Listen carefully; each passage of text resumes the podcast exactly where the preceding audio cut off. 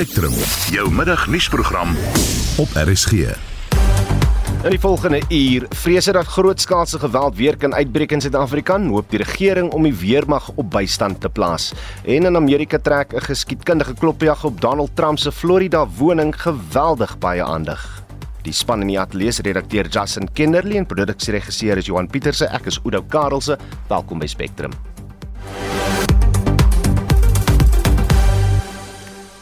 Ons skakel later in die program oor na die span vir ons spesiale Vrouedag uitsending by Cresta Crossing in Johannesburg, maar kom ons hoor gou wat tans aan die gang is. Susan Oudo, ons is in die hartjie van sportbedrywighede in Northcliffe in Johannesburg. Ons saai uit langs Misfit Boxing waar jy vanoggend was en praat binnekort met een van die groot name in karate en crossfit. Nog onderwerpe op ons agenda is inisiatiewe wat plaasvroue met selfverdedigingsvaardighede bemagtig. Ons praat oor die sielkundige druk op vroue in die samelewing, vroue gesondheid en vroue en die reg. So dit gaan baie interessant program wees. Dis nou in die tweede halfuur van Spectrum. Moenie dit misloop nie. Johannesburg en Tshwane maak 'n goeie begin op dag 1 van die Spar Nasionale Netbal Kampioenskappe. Die Springbok vleuel, Kurtley Arendse word vir 4 toetse geskort en vandag se DStv Premier Liga sokker wedstryde. Nekke Shaun Joosten is later terug met meer inligting. In Amerika praat mense oor die voormalige president Donald Trump, maar in Suid-Afrika op sosiale media praat mense oor oud-president Jacob Zuma. Nou dit hou verband met berigte dat strafregtelike klagtes teen 7 van die 19 beweerde aanstigters van die Julie onrus tot dusver of teruggetrek is of se sake van die hofrol geskraap is. En mense gebruik nou die geleentheid om hulle steun weer aan Zuma toe te sê. Vrouedag word natuurlik vandag gevier en in ons brandpunt vraag vra ons jou dink jy deur so 'n dag spesifiek vir vroue te hê trek ons weer 'n onderskeid tussen mans en vroue iets wat ons probeer teewerk? Of uh, dien dit wel 'n doel om die verskille uit te lig om vroueregte te bevorder? Stuur 'n SMS na 45889 dit kos jou R1.50 per boodskap of praat saam op die Monitor en Spectrum Facebookblad 7 minute oor 12. Die ANC se premierskandidaat in KwaZulu-Natal, Nomisa Dube-Ncube, het haar benoeming aanvaar en sê sy sal die provinsie se inwoners nie teleurstel nie. Indien Dube-Ncube verkies word, sal sy geskiedenis maak deur die eerste vroue premier van die provinsie te wees. Annelien Moses het meer besonderhede. Na weke van bespiegeling het die ANC in KwaZulu-Natal bevestig dat Nomusa Dube-Ncube tot die pos van premier benoem is. Die provinsiale sekretaris Bekkie Moloto sê sy is geskik vir die pos vanweë haar wye ervaring. As we are making history by introducing officially and announcing the first woman premier elect to the people of KwaZulu-Natal. As the ANC in the province of KwaZulu-Natal, we have moved one more step ahead to the realization of women emancipation. Today it is our great pleasure to announce to you Comrade Nomsa Dube-Ncube as the premier nominee. Dube Ncube het sedert 2009 in die provinsiale wetgewer gedien toe sy as ANC hoofsweep aangewys is. Dieselfde jaar is sy tot LER vir samewerkende regering en tradisionele sake verkies. Sy was 10 jaar lank in die posisie voordat sy as die LER vir ekonomiese ontwikkeling, toerisme en omgewingsake in 2019 aangestel is. Sy staans die LER vir finansies sy die posisie as premier aanvaar en sê daar is sleutelkwessies wat die provinsie moet pak. I do accept the deployment by the ANC and also wish to thank the trust that the ANC is giving to me. I indeed going to be working with the ANC leadership as well as uh, all my colleagues in government to ensure that we deal with the crippling issues that we are still facing in our province, those of dealing with the socio-economic challenges that we are facing, issues of uh, unemployment that we are facing as a province. Intussen het die adjunkvoorsitter van die ANC in die provinsie, Noma Gugu Simelani, beweringe verwerp dat Zigalala gedwing is om te bedank.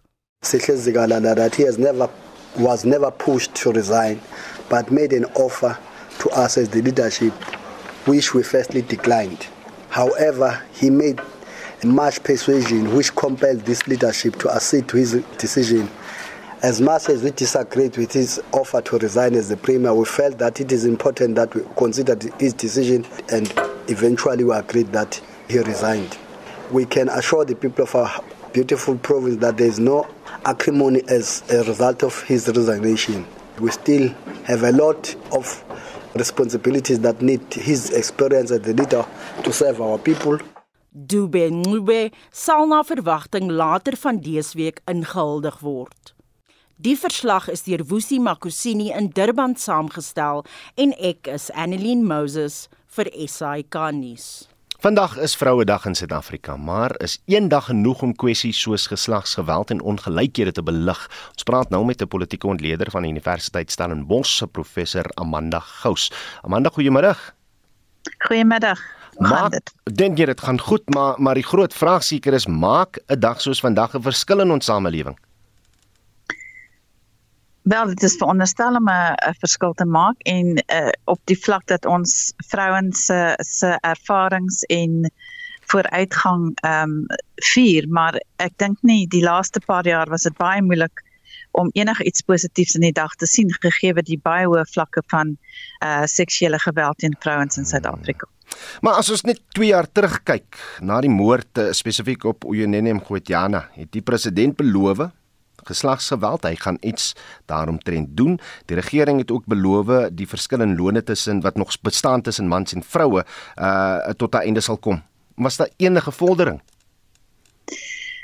Wel, ons het uh in 2018 die nasionale strategiese plan op uh geslagsgeweld en femicide het ons aangeneem en dit is na die provinsies gestuur vir konsultasie. Ehm um, en ek ek het die Weskaapse konsultasie bygewoon en dit was goeie konsultasies. So die plan is goedgekeur, maar dit is die die uitrol van die plan. Jy weet ons weet nie hoe dit uitgerol word nie. Ons weet nie of geld aangewend word op die maniere wat dit veronderstel is om aangewend te word en of daar genoeg geld is nie. Nou daar was 'n ehm 'n vergadering met die uh minister van uh, of die ministerie van vroue uh mense met ehm um, gestremdhede en uh jeug uh verlede week en uh, die uh wat toegesê is is dat daar uh, op Vrouedag gaan daar in provinsies vergaderings gehou word om vir mense toe te lig oor hoe die plan uitgerol word. Die probleem is dat dit is 'n langtermynplan.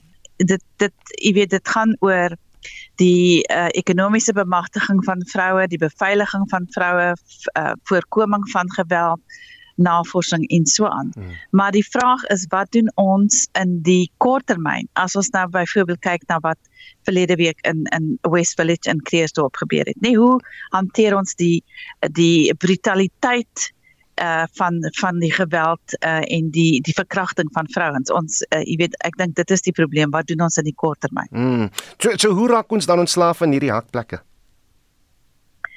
Wel, jy weet, ek dink net dat die die regering se se ehm um, onlangs uh die die be, beleidsbesluit wat geneem, geneem is op die uh beleidskongres verlede week om chemiese kastrasie op verkragters toe te pas is net so misplaas want dit kyk nie na die die sistemiese aard van die geweld en die normalisering van verkrachting in Suid-Afrika nie. Jy weet, ons kan uh die verkragters chemies kastreer, maar dit beteken nie dat ons die vlakke van verkrachting gaan gaan afbring nie en waar dit wel gebruik is en navorsing gedoen is het dit gewys dit dit, dit dra nie by om die uh ver, verkrachtingssyfers af te bring nie.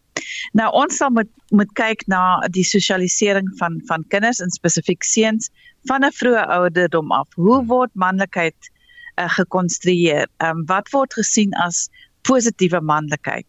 Wat verstaan kinders uh van die verskil tussen uh jy weet uh, net om jou uh, seksdrange te bevredig versus intimiteit en om om in 'n verhouding met iemand te wees. Nou dit is goed wat jy weet in in die skoolkurrikulum ingebou moet word, maar die oomblik as ons oor hierdie goed praat dan is daar 'n regse uh, terugslag wat sê nee, hierdie goed behoort nie in skole gedoen te word nie. So dit is dit is om 'n balans te kry tussen jy weet wat wat leer ons vir kinders en en dan ook om die die mans uh met hulle kinders betrokke te kry. Jy weet in Suid-Afrika is die norm die die enkel vrou, enkel ouer huishouding met kinders waarby mans nie betrokke is nie. So mans moet betrokke wees by hulle kinders want hmm. waar kry seuns byvoorbeeld rolmodelle? En is dan is die vraag gaan hierdie mans goeie rolmodelle wees? So ek dink dis dis baie kompleks. Maar as ons nie begin om om om hierdie saak aan te roer nie, gaan ons elke jaar dieselfde beloftes hmm. hoor op Vrouedag. Daar word aandag aangegee, ja.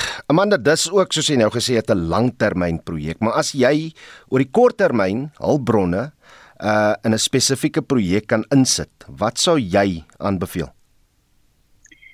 Wel, ek dink die ehm um, die slagofferbemagtiging op die victim empowerment pro program.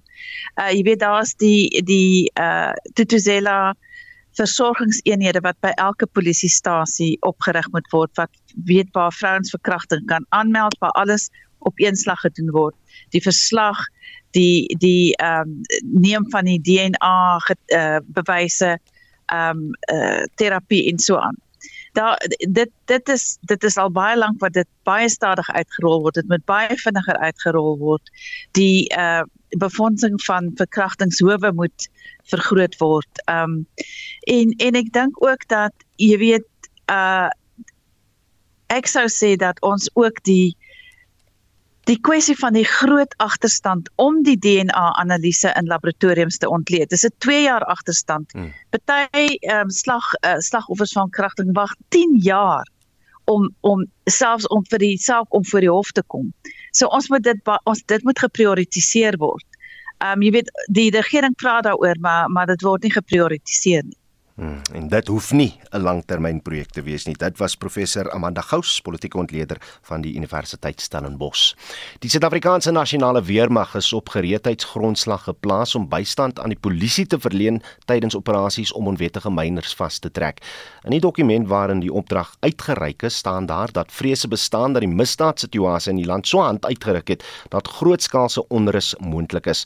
Die weermag het op sy beurt gesê sy doel sal wees om menslike lewens te beskerm beskerm en nie teen gemeenskappe op te tree nie. Ons praat nou met professor Abel Esterhuise van die Universiteit Stellenbosch se fakulteit krygskunde. Abel, goeiemôre.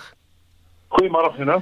Is dit 'n goeie idee dat die weermag betrek word by die tipe polisieeringskwessies?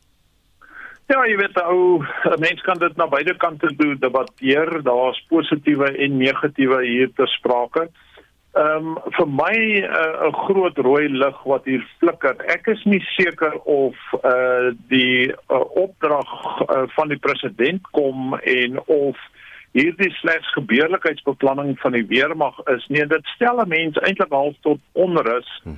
dat ehm um, die operasionele sekerheid van die weermag van so 'n aard is dat hierdie tipe van dokumente ehm um, in openbare Eh, besit kom en in die openbare domein domein kom die oomblik as dit uh, geteken word. En dit is vir my nogal eh, 'n uh, punt van geweldige ontstelling. So ek is nie seker of daar 'n opdrag van die president gehandel word en of hier dood eenvoudig gebeurlikheidsbeplanning van die weermag aan die orde is nie.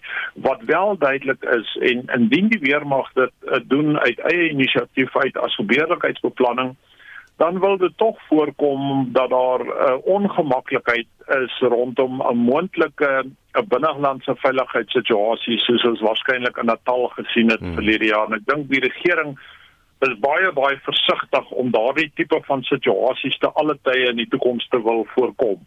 Dan moet ek natuurlik vra, het ons enige lesse geleer met die ontplooiing van ons weermag tydens COVID-19 en ook verlede jaar se onluste in KZN en Gauteng? Wel, mens leer altyd lesse wat vir my uh twee twee aspekte wat nogal vir my ehm um, ook rooi ligte laat flikker. Die een is die uh verslag wat deur professor Sandy Africa voltooi is en en haar haar span na aanleiding van die onrus in KwaZulu-Natal waar sy baie duidelik uitwys dat die veiligheidsinstellings en daarbey sluit ek die weermag in ehm um, sy die woord hollowed out gebruik. Met ander woorde hulle is uitgeholde instellings en daarmee bedoel sy dood eenvoudig dat hierdie instellings het eintlik nie meer die kapasiteit om meer te doen as wat hulle tans doen nie. En ons weet die weermag is betrokke in Mosambiek op die grensbeskerming. Hulle is betrokke in die in die DRK So eintlik het die weermag nie vreeslik kapasiteit om binnelands te ontplooi nie en dit is geweldig ontstellend. Ehm um, en en dan moet mense ook in gedagte hou, jy weet daar's daar's uh, meer taktiese en operasionele probleme soos dat die weermag nie meer 'n infrastruktuur binnelands het om te ontplooi nie. Jy weet die komandosisteme en die hoof, die groep hoofkwartiere van die jare 90 is afgetakel. Dit bestaan nie meer nie. So as die weermag ontplooi, ehm um, moet die weermag ehm um, sy volle logistiek ontplooi. Dis 'n omvattende ontplooiing wat moet plaasvind want die weermag moet alles saamneem wil ek amper sê van water tot matrasse. Ehm um, teenoor die polisie wat 'n redelike infrastruktuur en 'n voet op die grond het in in al die plaaslike gebiede. As die polisie soos verwag word eintlik funksioneer, dan het ons natuurlik nou net die weermag nodig uh om om hulle te ontplooi om om onwettige mynwerkers vas te trek nie voel.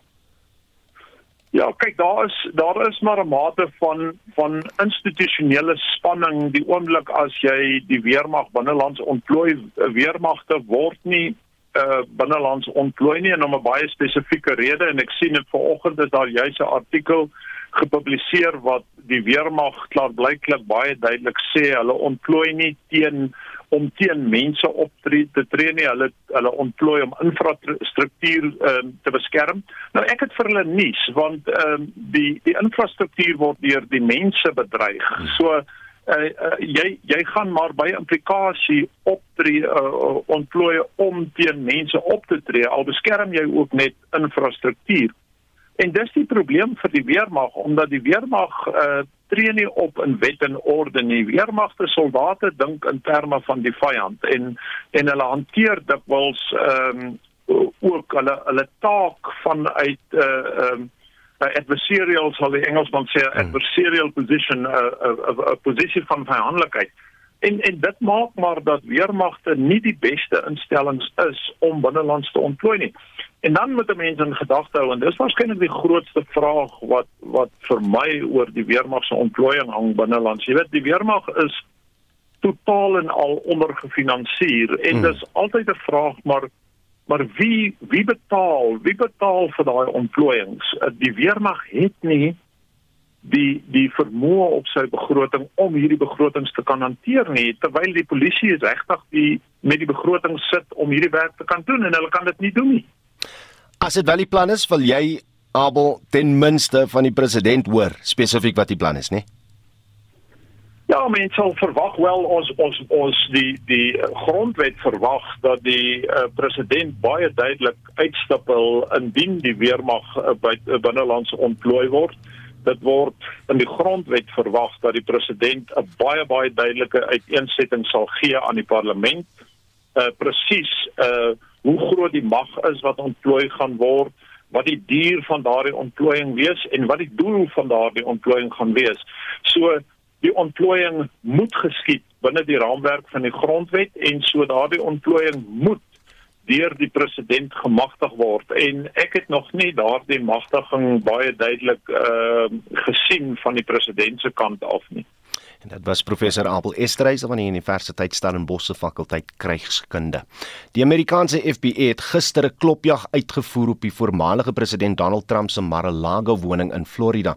Dit hou glo verband met die verwydering van geheime dokumente tydens sy amptetermyn. Spesifieke dokumente waarvoor gesoek word is volgens berigte in sy huis gevind. Om sin te maak hiervan, praat ons nou met 'n dosent by die College vir Besigheid en Ekonomie aan die Universiteit Johannesburg, professor Theo Venter.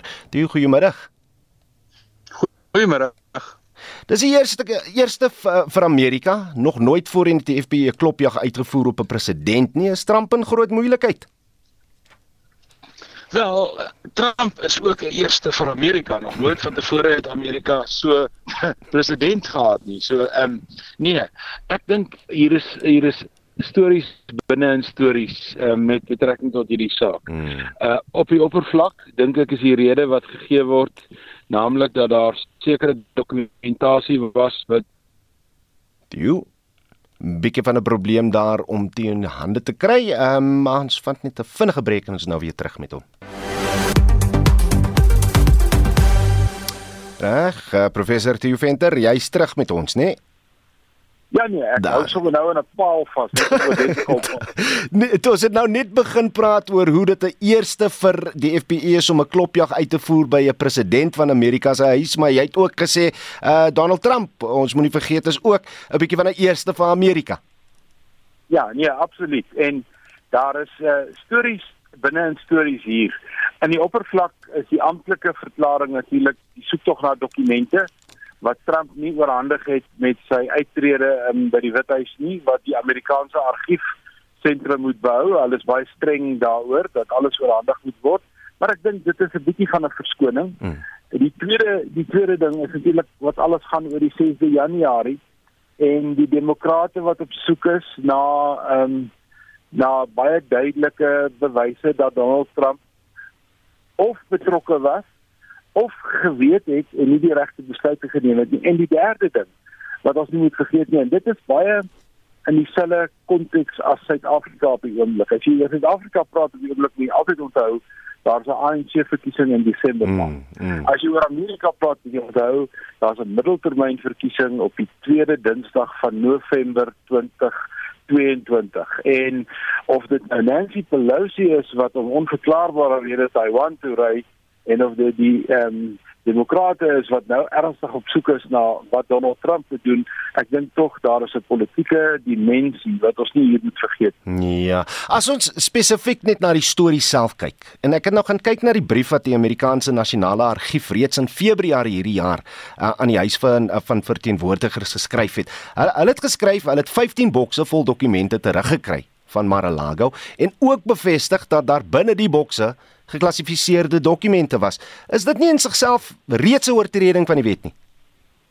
Dit is maar so, veral as mense kyk na wat gebeur het met Hillary Clinton nadat sy uh, 'n uh, soortgelyke probleem ervaar het deur 'n um, e-posse op 'n oop uh, bedienaar te gebruik op haar op haar skootrekenaar. Hmm. En sy was vir omtrent die laaste 2-3 jaar van haar openbare ehm um, optrede was sy onder druk oor daardie insident. Die Amerikaners is wat dit betref baie streng.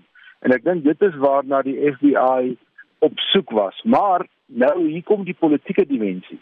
Ehm um, dit moet alles 'n poging wees om te kyk tot watter mate is Trump geskik om weer homself beskikbaar te stel as president. Al is dit net 'n uh, 'n bewering van Trump se kant af, hoewel is dit net 'n poging van die demokratiese kant af is dit direk 'n poging om te wys kan nou sien die man hou hom nie eers by die reëls soos wat dit oor honderde jare eintlik al gevestig is in die Amerikaanse praktyk nie.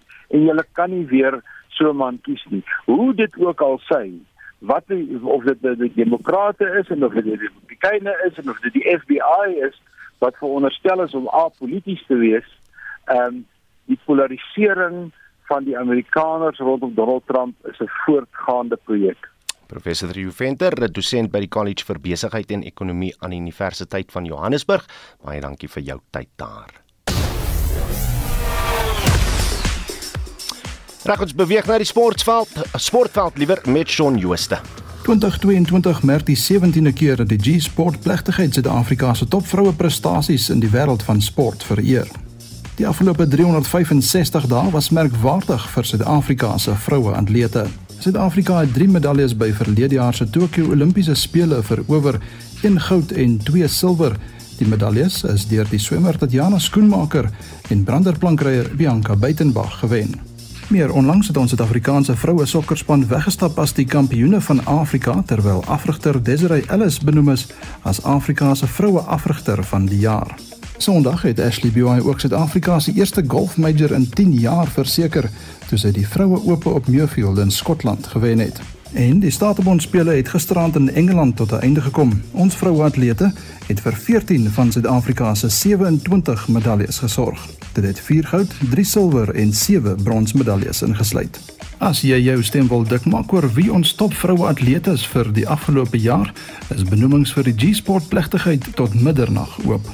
Hier is die stigter van G-Sport, Cass Naidu. Nominations continue to stream in for the 2022 Momentum G-Sport Awards. If you haven't put forward a worthy candidate, now's your chance to do so. Entries close at midnight on Women's Day, 9 August. gsport.co.za slash nominations get your nominations in, and let's celebrate the power of recognition on the Momentum G Sport Awards stage. Die Spar Nasionale Netbalkampioenskappe het gister in Potchefstroom by die Noordwes Universiteit begin. Johannesburg en Tshwane is onoorwonde na twee rondes en ook bo aan die punteleer. Van die tellings Nelson Mandela Bay 30, Kaapse Wynlande 28, Johannesburg 36, Mangaung 23, Buffalo City 27, Nelson Mandela Bay 25 en Tshwane 43, Kaapse Wynlande 25. Oor na rugby nuus. Die Springbokvleuel Kurtley Arendse is vir 4 toetse geskort na 'n gevaarlike duikslag op Bowden Barrett in Saterdag se eerste toets van die rugbykampioenskappe in Nelspruit. Hy sal op 24 September terugkeer en Saterdag se tweede toets teen die All Blacks in Johannesburg, twee toetse teen Australië en een toets teen Argentinië misloop. Die Bulls vleuel Kane Moody is tot die bokspan opgeroep. En laastens in die DStv Premier Sokkerliga speel Richards Bay vanmiddag 3 uur teen Marumo Gallants, Marokko Swallows 5 uur teen Cape Town City en Kaizer Chiefs vanaand half 8 teen Maritzburg United. Shaun Schuster van RSG Sport.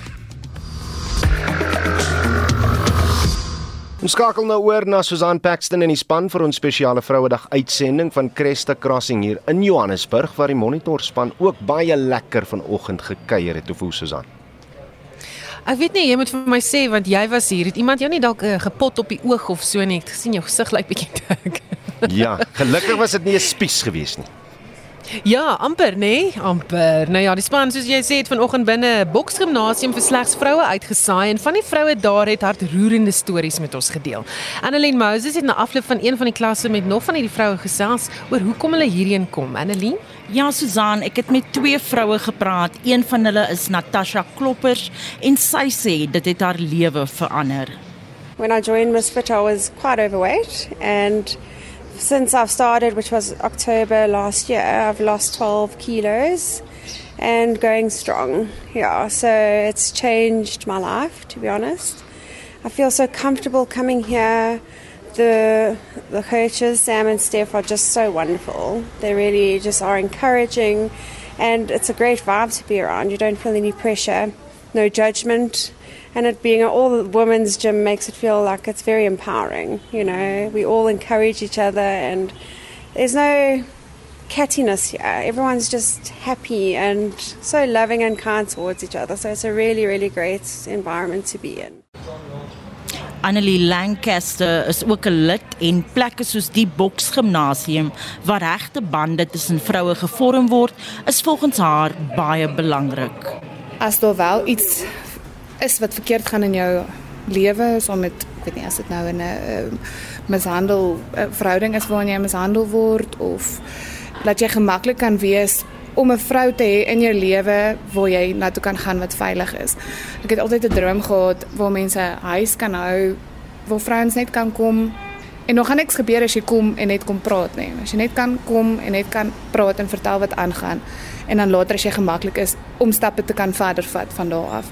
So ek dink vrouens met onsself moet met onsself begin om vir mekaar beter ondersteuningsnetwerke oop te maak. Dit was Annelie Lancaster met wie ons vanoggend gesels het by die Misfit Boks Gimnasium in Northcliffe in Johannesburg. En dis die stem van Annelien Moses en soos sy gesê het ons is hier buitekant die Misfit Box Gimnasium in Northcliffe in Johannesburg soos jy klomp geluide hoor, mense wat gesels, motors wat ry. Hulle ry letterlik hier agter my lig verby al hierdie voertuie.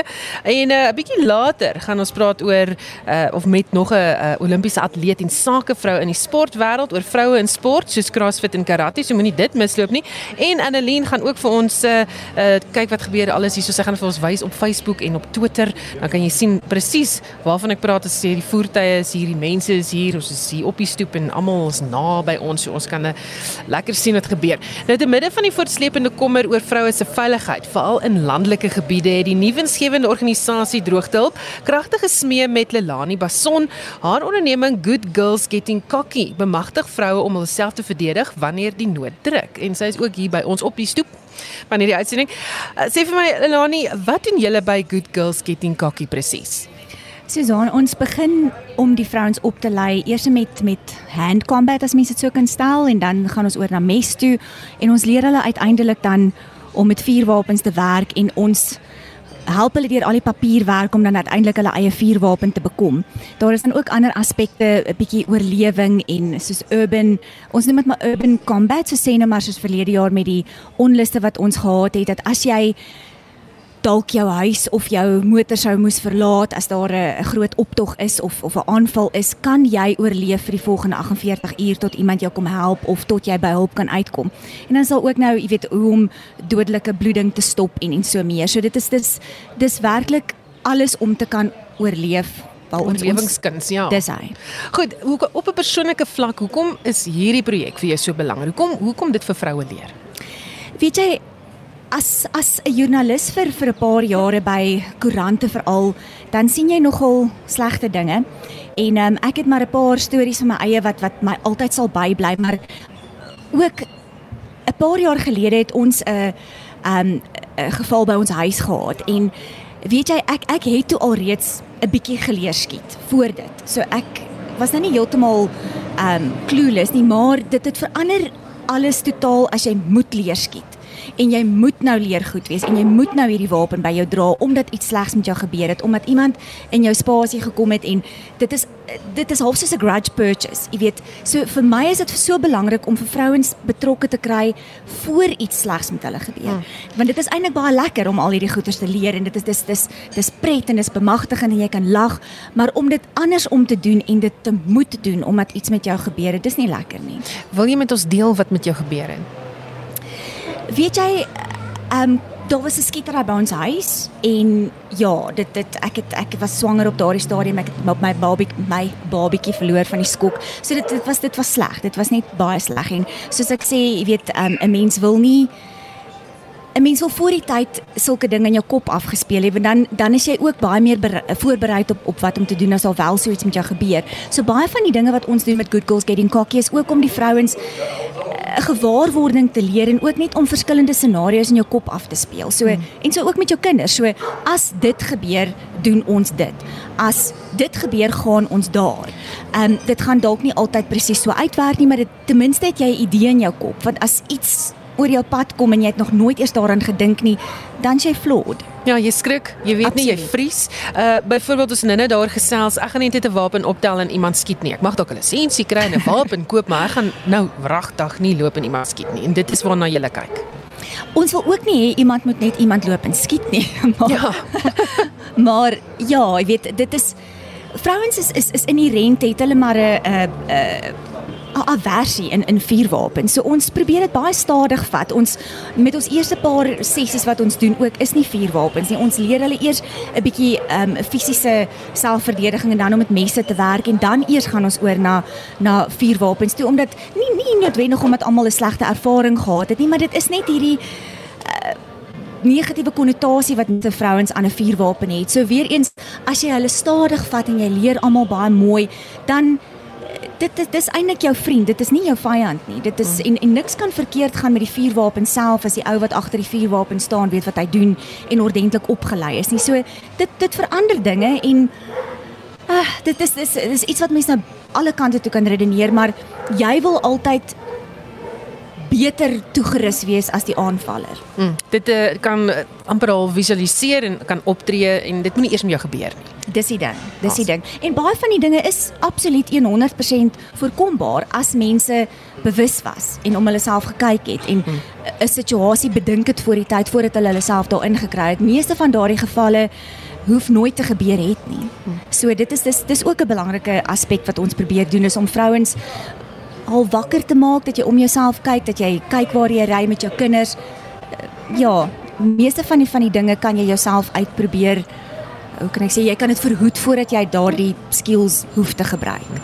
Baie dankie. Dit was Leilani Bason wat aan die stuur staan van Good Girls Getting Cocky en sy is ook betrokke of die leier as jy so kan stel van die Bush Babes. Ons gaan eendag weer met haar gesels daaroor. Ons ongelukkig nie nou tyd nie, maar baie dankie dat jy so ver gekom het om met ons te gesels. Baie dankie Susan. Goed dan baie vroue sit gewoonlik in verhoudings of huwelike vas want hulle weet nie hoe om uit dit te kom nie. Hulle is dalk nie finansiëel sterk genoeg nie of is geïntimideer deur die wetlike aspekte daarvan, veral waar daar kinders by betrokke is. Nou Shandu Tron van Tron ingelyf is 'n familieregprok prokureer en ons praat met hom oor hierdie kwessie. Goeiemiddag Shanu, welkom hier. Hey, hoe gaan dit? En geluk met jou verjaarsdag vir laasweek. Baie dankie. Jare ouer, grys hare. Ehm um, goed dan so baie vroue sê goed, ek kan nie skei nie, ek het nie die geld nie. Is dit so? Is daar opsies? Ja, daar's definitief opsies en die wet kan baie intimiderend wees, maar daar's juis opsies vir die swakker finansiële party om gedurende die egskeiding geld te kry van die sterker finansiële party. En mense weet nie daarvan nie. Dis 'n uh, hulle noem dit reël 43. So jy kan die dagvaardiging vir egskeiding uitreik en dan wat die ander party gewoonlik doen is hulle sny die hulle sny die finansies uit uh, and it's called starving out. So hulle uh kanselleer al die kredietkaarte, hou op huur betaal, wil die persoon by die huis uitskop, maar daar is 'n uh, verskeie prosedures wat mens dit kan stop en wat jy ook 'n kontribusie uh, vir jou finansies kan kry deur um, deur die wetgewing, deur die egskeidingswetgewing en jy kan dit ook kry deur die um, gesinsgeweld uh, wet uh, wetgewing. Hm. So jy hoef nie noodwendig in iets vas in in 'n situasie vasgevang te wees omdat jy nie die finansies het nie. So wat moet vroue weet as hulle wil skei? Wat vrouens moet weet as wil skei is wat is die opsies? Hulle moet 'n prokureur sien, 'n um, 'n uh, 'n uh, uh, spesialis familiereg prokureur. Jy weet, voorheen kon jy na 'n 'n 'n gewone praktisyn toe gaan vir egskeidings, maar egskeidings daar is verskeie wetgewing nou, daar's kinderwetgewing, daar's baie wetgewing wat nie voorheen daar was nie. Voorheen was dit net die egskeidingswetgewing. Nou is omtrent om omtrent 15 verskillende stukke wetgewing wat van toepassing kan wees. So hulle moet 'n familiereg prokureur op sien net vir een konsultasie dat uh, daai familiereg prokureur vir hulle kan sê wat is hulle opsies finansiëel, wat staan hulle te doen, wat moet hulle doen en en ook baie belangrik wat moet hulle nie doen nie. En dis dis jy weet soos hulle in Engels sê knowledge is power. En baie keer kry mens hierdie analysis paralysis. Niemand wil iets doen nie want hulle weet nie.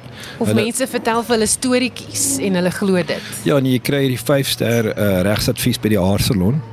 en en en die mense beteken jy weet hulle, hulle nie omdat hulle nie vir jou omgee nie, maar hulle weet nie waarvan hulle praat nie. En hulle sê vir jou verkeerde goed en hulle praat jou bang of daar's hierdie horror storie en daar's daai horror storie. Ehm um, en die einde van die dag gaan sien vir iemand wat wat weet wat 'n spesialis in die veld is uh, net een konsultasie hm. en dan kan jy besluit. Weet baie keer is mense nie seker of hulle wil skei of nie. Gaan sien iemand.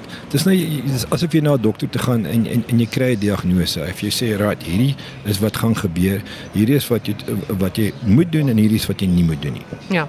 Goed dan, uh, wat van enkelouers? As ons praat van kinders en so en in selfs in die geval van van mans, as die ander ouer nie onderhoud betaal nie, wat is die opsies daar? Hoe kan mens daardie mens help? Veral as hy al wat 'n opsie is uitgeput het. Ja, kyk daai die onderhoudshof uh, so geskryf die wetgewing dat jy dit kan doen sonder regsadvies. En en maar die proses is is redelik lank, maar ek sê altyd vir mense hoe langer jy wag om die proses te begin, hoe langer gaan jy vat om dit klaar te maak. So jy kan onderhoudswetgewing toe gaan na die onderhoudshof en die onderhoudswetgewing is daar om jou te help om uit te werk hoeveel die kind kos en jou kontribusie wat jy kan vra, elke ouer moet 'n kontribusie maak. En dan ook die ander ding waarna jy moet kyk, baie keer is die persoon klaar geskei en daar is 'n skikkingsakte of 'n hofbevel wat sê die onderhoud wat betaal moet word en dan wat gebeur is die ander ouer hou op om die onderhoud te betaal. Dan is er ook jy kan ook op daardie ouer wat nie betaal die se bates beslag lê en ons doen dit die hele tyd. Hm, so daar is opsies. Net so laaste vinnige vraagie, ons tyd hardloop uit, maar wat van regte vir paas? Daar's altyd eh, hierdie stories van vroue wat byvoorbeeld die kinders misbruik om iets uit die pa uit te kry of meer uit die pa te kry. Het hulle regte regte verander? Regte het definitief verander en dis nie meer die regte van die paas of die regtes van die maas nie, dis nou die beste belang van die kind. En baie keer is dit die beste belang van die kind dat die kinders by die pa moet bly of dat die kinders by die ma moet bly of baie keer weens die ouers se werksomstandighede dat die kinders by die by die ouma en oupa moet bly. So dis die beste belang van die kind en wat die beste is vir hulle. Hmm. Dis ongelukkig alwaar vir ons tyd het, maar baie dankie. Ek seker ons paar mense wat uh, gehoor het dat daar is opsies. Hulle hoef nie bang te wees vir die wet nie. Dit was Shando Tron, 'n familieregprokureur van Tron ingelyf wat met ons gepraat het. Dankie vir jou tyd vandag. Goed dan hier in uh, omstandighede van die land, die omstandighede wat hier heers, plaas heel wat druk op vrouens in die samelewing. En om meer hieroor te praat, praat ons nou praat ons nou met Marion Meyer, 'n bedryfssosioloog en beraader. Sy sit hier by hier reg voor my. Uh, welkom hierso. Dankie. Nou in aanloop tot Vrouedag het ons die volgende opskrif raak gelees. South Africa is no country for women. En van hierdie gesprekke wat ons nou vanoggend ook gevoer het, het dit ook boonop duidelik geword dat vroue plekke opsoek waar hulle veilig voel. Is daar genoeg plekke waar vroue nog veilig voel hier? Susan, ja, ek daar is heelwat plekke, daar's baie mense wat inisiatief neem, geweldig baie NGO's soos wat ons ken en privaat instansies, maar ek dink wat dit ook moet wees is dat jy moet veilig kan wees by jou buurvrou, by jou vriendin, by jou ouers in jou gemeente. Ek werk baie in 'n um, korporatiewe spasie, maar ook in 'n individuele spasie. Mense sê ek kan eenvoudig nie na my kerk toe gaan nie, ek durf nie, want daar is soveel idees rondom vroue wat mishandel word of wat nie goed behandel word nie. So daar word verseker nie genoeg gedoen nie. En dit is nie net iets wat iemand anders moet doen nie. Ons sit baie keer en luister na radio of waar ook al en sê ja, iemand sal iets daaraan doen. Ek en jy moet bewus wees van wat aangaan rondom ons.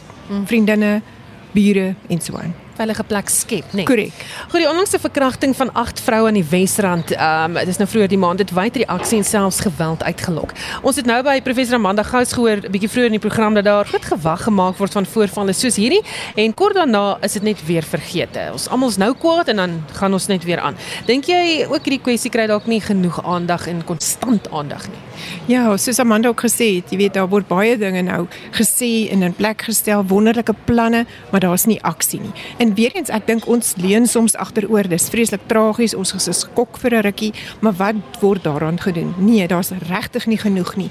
Uh jy weet ons politici, maar ook ander mense stemme op sosiale media maak hulle stemme dik. Vandag net as jy kyk wat gaan aan op sosiale media, almal is daar teen. Maar wat het gedoen? Wat het ek en jy gedoen al om een persoon wat so verlate is, uh, miskien by te staan? En ek dink dis is ook ons moet ons stemme dik maak. Watter druk plaas gesprekke soos hierdie en hierdie gebeure in die land um op vroue se sielkundige welstand? Ek dink baie keer voel 'n mens veilig en dan as iets gebeur, ons is nou hier in die Wesrand, as 'n mens dan nou hoor van Kreersdorp, besef jy dis op my voorstoep. Dan skielik ruk dit daai jou weer terug en sê maar, is ons veilig? En dit is ook so dat baie mense weens hulle omstandighede is baie meer daaraan blootgestel as ons.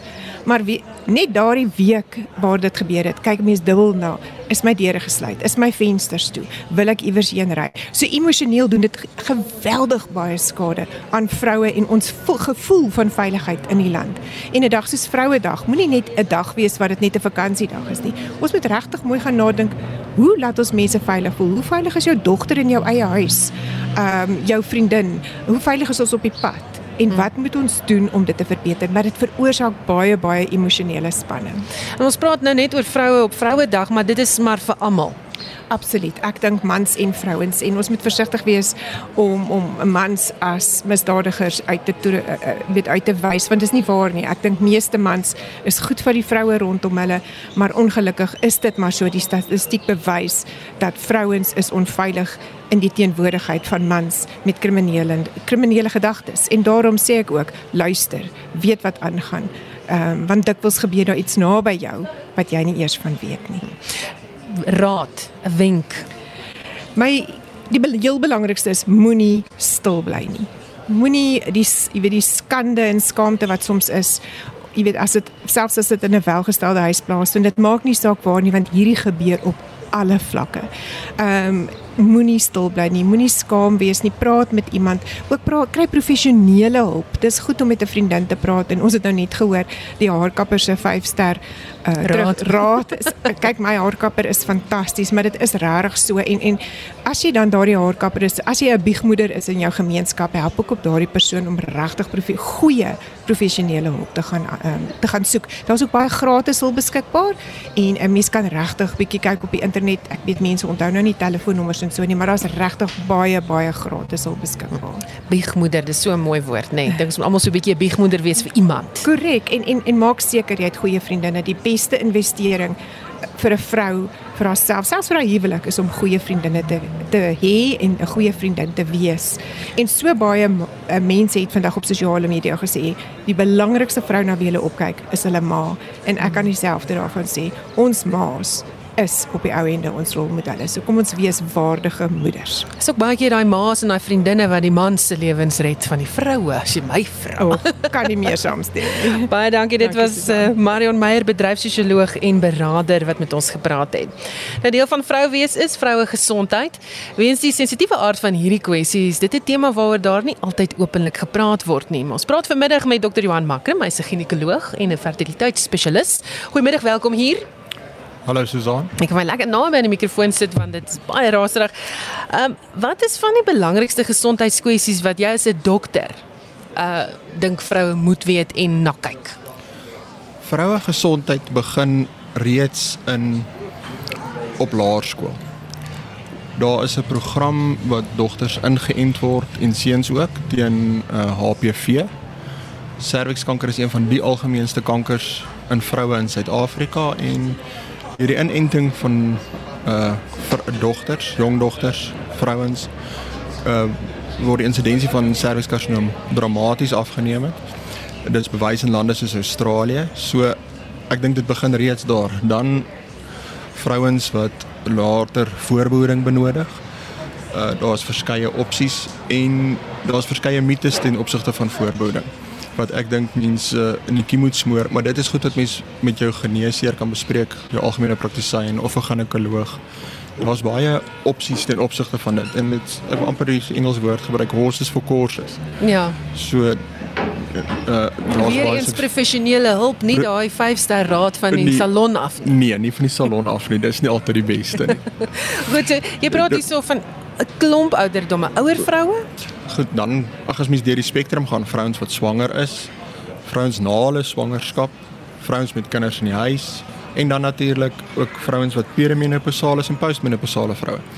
Vrouens is dikwels geneig vir alles hulle kinders gehad het om hulle self af te skeep want dan is dit heeltyd die kinders se gesondheid en dan vergeet van hulle self, vergeet van hulle papsmere, vergeet van mammogram as hulle 40 jaar oud is, vergeet van ehm um, ander ondersoeke uh byvoorbeeld skildkliere en goed om te kyk hoe dit beïnvloed uh, uh, 'n vrou se hele menstruele geskiedenis ensovoorts. Dat uh, ek dink tog belangrik is dat sulke pers ehm um, mense wel daarna kyk. Ek dink mans kan ook 'n rol speel daarin om hulle vrouens nou en dan te herinner. Het jy jou vra. ma- mammogram Mm. gehad? Wanneer laas was jy vir jou pap smeer?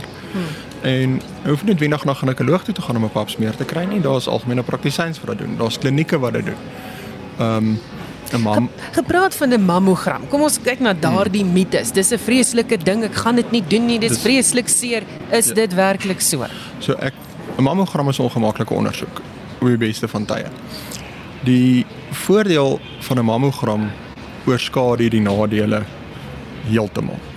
Die bestraling deesdae wat mense van 'n mammogram kry is van minimale aard. Soveel sodat ehm um, in sekere gevalle vrouens jaarliks mammogramme moet kry en ander vrouens 2 of 3 jaarliks afhangende van die risikoprofiel. Dis ook belangrik dat ehm um, terwyl ons nou oor mammogramme praat, vroue gereelde selfborsondersoeke doen. Selfs op 'n jong ouderdom. Ehm um, ek sien in die praktyk dikwels pasiënte in hulle vroeë 30's wat al borskanker het. As daar 'n familiegeskiedenis is met sulke vrouens vroeër begin met hulle ondersoeke vir 'n voorbeeld. En hulle moenie bang wees nie. Kyk as mense sê ginekoloog gaan begin 'n vrou se nekhare so kriewel, jy weet, dis nie baie gemaklike proses nie en nie 'n baie gemaklike iets om oor te gesels nie, maar dis 'n belangrike ding. Dit is baie belangrik. Ehm um, so baie van die uh pasiënte het ook in in die COVID tydperk hulle self afgeskeep. Mens sien dikwels pasiënte wat 4, 5 jaar laas by by enige dokter was, never mind 'n uh, 'n Ginekoloog, ginekoloog. ja. Maar dit is dis baie belangrik om gereeld ondersoeke te hê. Nie nie elke vrou het elke jaar ondersoek nodig nie, maar vir sekere risikoprofiele is dit aanbeveel, ja. Mm. En veral daardie borsondersoeke. Die borsondersoeke, papsmere. Ehm um, mites uh is is dat deur jou bors te voel kan jy kanker opspoor. Ehm um, nie altyd nie. Dit is nie dit is nie altyd so nie. En mense en, en weer eens vrou hoef nie bang te wees nie. Maak 'n afspraak gaan gerus, nê. Jy sal nie doodgaan nie. Dis goeie raad. nou. Baie dankie. Dit was Dr. Johan Makram, hy's 'n ginekoloog en fertiliteitsspesialis met daardie raad. Ondersoek jouself, gaan jy gaan nie doodgaan nie. Se ondersoek is baie baie belangrik. Goed, die deurlopende tema van ons Vrouedag uitsending is vroue in sport en ons saai uit langs Misfit Boxing by Cresta Crossing, maar dis nie die enigste plek waar mense kom stoom afblaas hier nie. Oor kan die pad is die North uh, Northcliffe CrossFit en die North Northcliffe Karate Klub. Jo, ek wil nie Engels praat vanmiddag, ek klink my. Uh, Mary J is 'n professionele atleet en is ook uh, as sakevrou betrokke by beide instellings en het ingestem om met ons te kom praat en uh, ons gaan nou die um, onderhoud in Engels doen. Uh, baie welkom hierso in Afrikaans. You. ons het definitief haar op die Twitter en ons Facebook so vir daai live so gaan kyk hoe sy lyk. Sy's verskriklik fiks. Dit is oh, dis dis baie mooi. Lyk baie goed. Uh with the focus on specifically women, why do they do CrossFit and karate, you think? Um, CrossFit specifically, obviously, a lot of parents get the, the young girls involved in karate. So, so uh, just to build um, obviously self confidence for the young girls, um, and just to teach them how capable they, they are, because I think it's very an old school mentality, but I think South Africa is slowly getting there. Um, but you know, women are are, are, are made to feel that they're behind to a certain degree in terms of capabilities. Um, so parents are starting to get their, their young daughters involved in the karate um, a lot younger, um, just to teach them how capable they are and to show them what they can possibly do, regardless of whether they're male or female. My policy with regards to uh, my students in, the karate and how I teach them is that um, girls are not different to the boys when we're training. The girls do exactly what the boys do, um, and the boys are not allowed to take it easy on the girls. The, the, the rule is everybody's equal. And if a girl can't, you know, handle themselves, then I'll teach them how to handle themselves. It's not a case of, um, you know, take it easy on the girls. Never. Mm. Um, girls are capable. Uh, can you see a change in their mindset and confidence levels once they start working with you? Yes, it does take a little bit of time. As I say to all the parents, it's never a quick fix. It takes a little bit of time because you're teaching them how capable they are. You you you're teaching them to believe in themselves, and that's never a quick, easy thing. Um, you know, with regards to the CrossFit our, our everyday CrossFit classes, in fact, are majority females, uh, more females than, than males.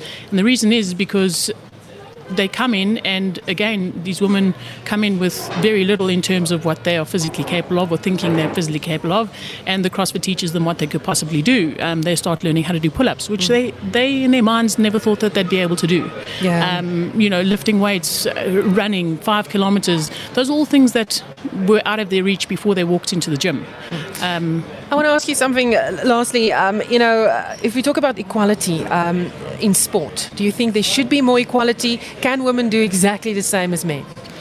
Um, physically, in terms of strength, so obviously with regards to CrossFit, there is um, there's a lot of strength aspects. So you know the guys will have to lift, say for example, 50 kilo, and the ladies will have to lift uh, 35 kilos. So in terms of equality, we'll never be able to lift physically mm. lift what the guys can lift, and that's what got a weight and a set um, male's weight. Um, in terms of being able to pull off the same movements, 100%. You must see some of these women and, and the things that they do on the international um, field. Yeah, it's amazing. Thank you so much for uh, giving us your time today. It is a holiday. Uh, dit was Mary J, professionele atleet en sakevrou. Sy is betrokke by die Northcliffe CrossFit en die North, Northcliffe Karate Club en daarmee terug na die ateljee Oudo. Dit aan die einde van ons spesiale Vrouedag uitsending. Nou vorige uitsendings van Spectrum is beskikbaar op Potgooi. Gaan net na RSG se webblad by www.rsg.co.za. Ons groet namens ons uitvoerende regisseur Nicoline de Wet, die redakteur Justin Kennerly vandag en die produksieregisseur is Johan Pieterse. Ek is Oudo Karelse. Geniet jou middag in die geselskap van RSG.